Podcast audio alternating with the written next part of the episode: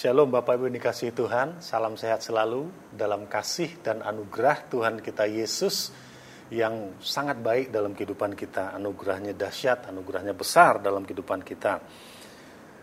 Nah tentunya eh, ketika kita berbicara tentang tokoh Yusuf dalam dalam perjanjian lama, nah ada banyak hal yang kita ingat tentang tokoh yang luar biasa ini. Nah, kali ini saya kembali ingin mengangkat tokoh Yusuf. Saya akan ajak kita membaca dalam kejadian pasal yang ke-39.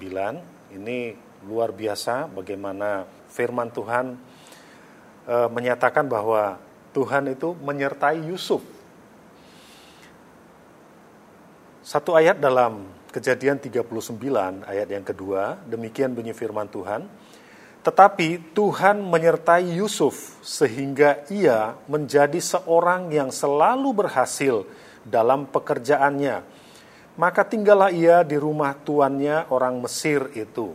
Kita kita semua tahu cerita atau kisah tentang Yusuf ini dan bahkan bagaimana proses atau perjalanan hidupnya sejak dia dibenci oleh uh, saudara-saudaranya dan bahkan dia dijual sehingga sampai ke ke Mesir dan sampai di rumah Potifar.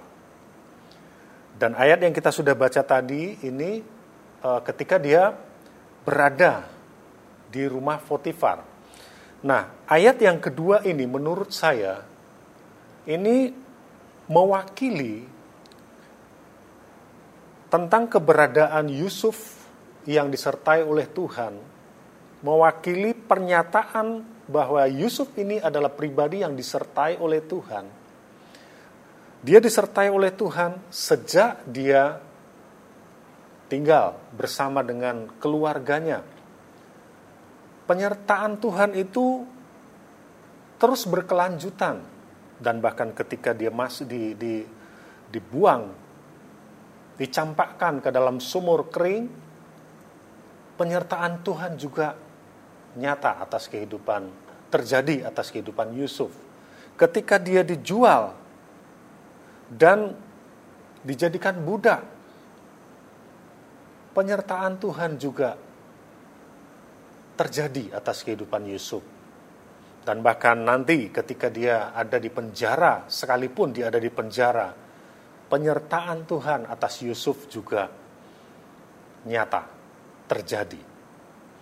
Nah, sekali lagi ayat yang kedua dalam kejadian pasal yang ke-39 ayat eh, 39 ini ini mewakili saya saya petik ayat ini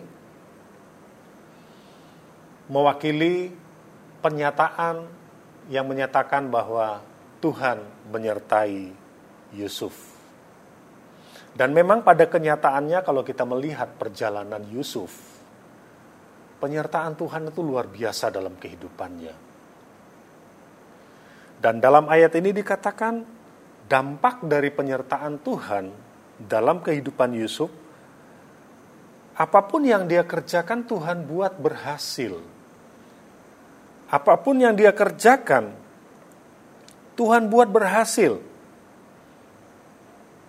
Nah, Bapak Ibu yang dikasihi Tuhan, satu poin yang saya ingin sampaikan melalui ayat ini bahwa Yusuf adalah pribadi, bahwa Yusuf adalah tokoh yang disertai oleh Tuhan. Tentunya kita sebagai orang percaya, kita juga percaya bahwa hidup kita adalah hidup yang disertai oleh Tuhan. Dan bahkan kita juga punya kerinduan ketika kita mengalami hal-hal yang seperti yang pernah dialami oleh Yusuf, mungkin dalam bentuk yang lain, kita juga rindu untuk bisa seperti Yusuf menyikapi setiap persoalan, setiap masalah yang dia hadapi. Bapak Ibu dikasih Tuhan, ada hal yang saya lihat dalam pribadi Yusuf ini menurut saya ini luar biasa. Sebagai orang yang disertai oleh Tuhan, ada hal-hal yang kita bisa lihat ada dalam kehidupan Yusuf. Kalau dalam ayat yang kita sudah baca tadi dikatakan berhasil dalam pekerjaannya, tetapi ada hal lain yang saya lihat yang ada dalam pribadi Yusuf ini. Sebagai orang yang disertai oleh Tuhan, Yusuf ini saya melihat dia hidup. Yang pertama, dia hidup dalam rencana dan kehendak Tuhan. Apa pun yang dia alami dalam perjalanan hidupnya, dia tetap hidup dalam rencana dan kehendak Tuhan. Seberat apa pun tantangan yang dia hadapi, sedahsyat apa pun fitnahan yang ditujukan kepada dia, dia tetap hidup dalam rencana dan kehendak Tuhan. Bagaimana dengan kita? ketika kita menghadapi masalah dalam hidup ini, ketika kita menghadapi tantangan yang sedemikian rupa, atau bahkan mungkin ketika kita menghadapi fitnahan, apakah kita tetap mau hidup dalam rencana dan kehendak Tuhan? Sama seperti Yusuf. Yusuf adalah tokoh yang disertai oleh Tuhan. Hal yang pertama yang ada dalam kehidupannya sebagai orang yang disertai oleh Tuhan adalah dia hidup dalam rencana dan kehendak Tuhan. Kemudian yang kedua atau hal yang kedua yang saya perhatikan yang ada dalam kehidupan Yusuf ini, dia bukanlah orang yang seperti kacang lupa kulitnya. Dan kita tahu semua kisahnya ketika dia menjadi orang sukses. Dia tidak lupa pada keluarganya. Dia tidak lupa kepada orang-orang yang mengasihi dia, dan bahkan dia tidak lupa terhadap orang-orang yang tadinya membenci dia. Dia mengingat orang yang tadinya membenci dia bukan berarti dia mendendam, tetapi perlakuan yang diper, yang dilakukan yang diperbuat oleh uh, saudara-saudaranya di masa lampau dia balas dengan kasih. Dia balas dengan penerimaan. Dia balas dengan rangkulan. Itu hal yang kedua yang ada pada diri Yusuf yang saya lihat. Dia sebagai orang yang disertai Tuhan, dia bukanlah orang yang seperti kacang lupa kulitnya. Ada banyak orang di luar sana yang seperti kacang lupa kulitnya. Tetapi Yusuf tidak demikian.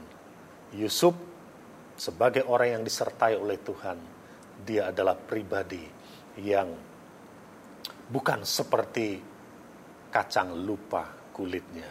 Kemudian hal yang ketiga yang saya lihat yang ada dalam diri Yusuf sebagai pribadi yang disertai oleh Tuhan, Yusuf ini adalah pribadi yang menghormati apa yang dinamakan kekudusan rumah tangga sebagai orang yang disertai oleh Tuhan, Yusuf ini memiliki sikap yang luar biasa terhadap rumah tangga. Dia begitu menghormati kekudusan rumah tangga. Bicara rumah tangga di sini itu bisa bicara rumah tangganya sendiri atau keluarganya sendiri tetapi juga bisa berbicara tentang keluarga atau rumah tangga orang lain. Dan kita tahu kita tahu persis bagaimana upaya dari istri Potifar untuk merayu dia, bujuk rayu sedemikian rupa supaya Yusuf mau tidur dengan dia atau dengan kata lain mencemari kekudusan rumah tangga Potifar tetapi karena Yusuf adalah pribadi yang disertai oleh Tuhan. Dan dalam diri Yusuf ada sikap hati yang luar biasa. Dia menghormati kekudusan rumah tangga. Termasuk rumah tangga orang lain. Dia tidak mau mencemari, mencemarkan kekudusan rumah tangga orang lain dengan cara berselingkuh dengan istri Potifar. Bapak Ibu yang dikasihi Tuhan, hal yang ketiga ini merupakan hal yang luar biasa yang saya lihat dalam diri Yusuf sebagai pribadi yang disertai oleh Tuhan. Dia menghormati kekudusan rumah tangga. dengan dia menolak ajakan ajakan dari istri Potifar itu menunjukkan bahwa dia menghormati kekudusan rumah tangga Potifar.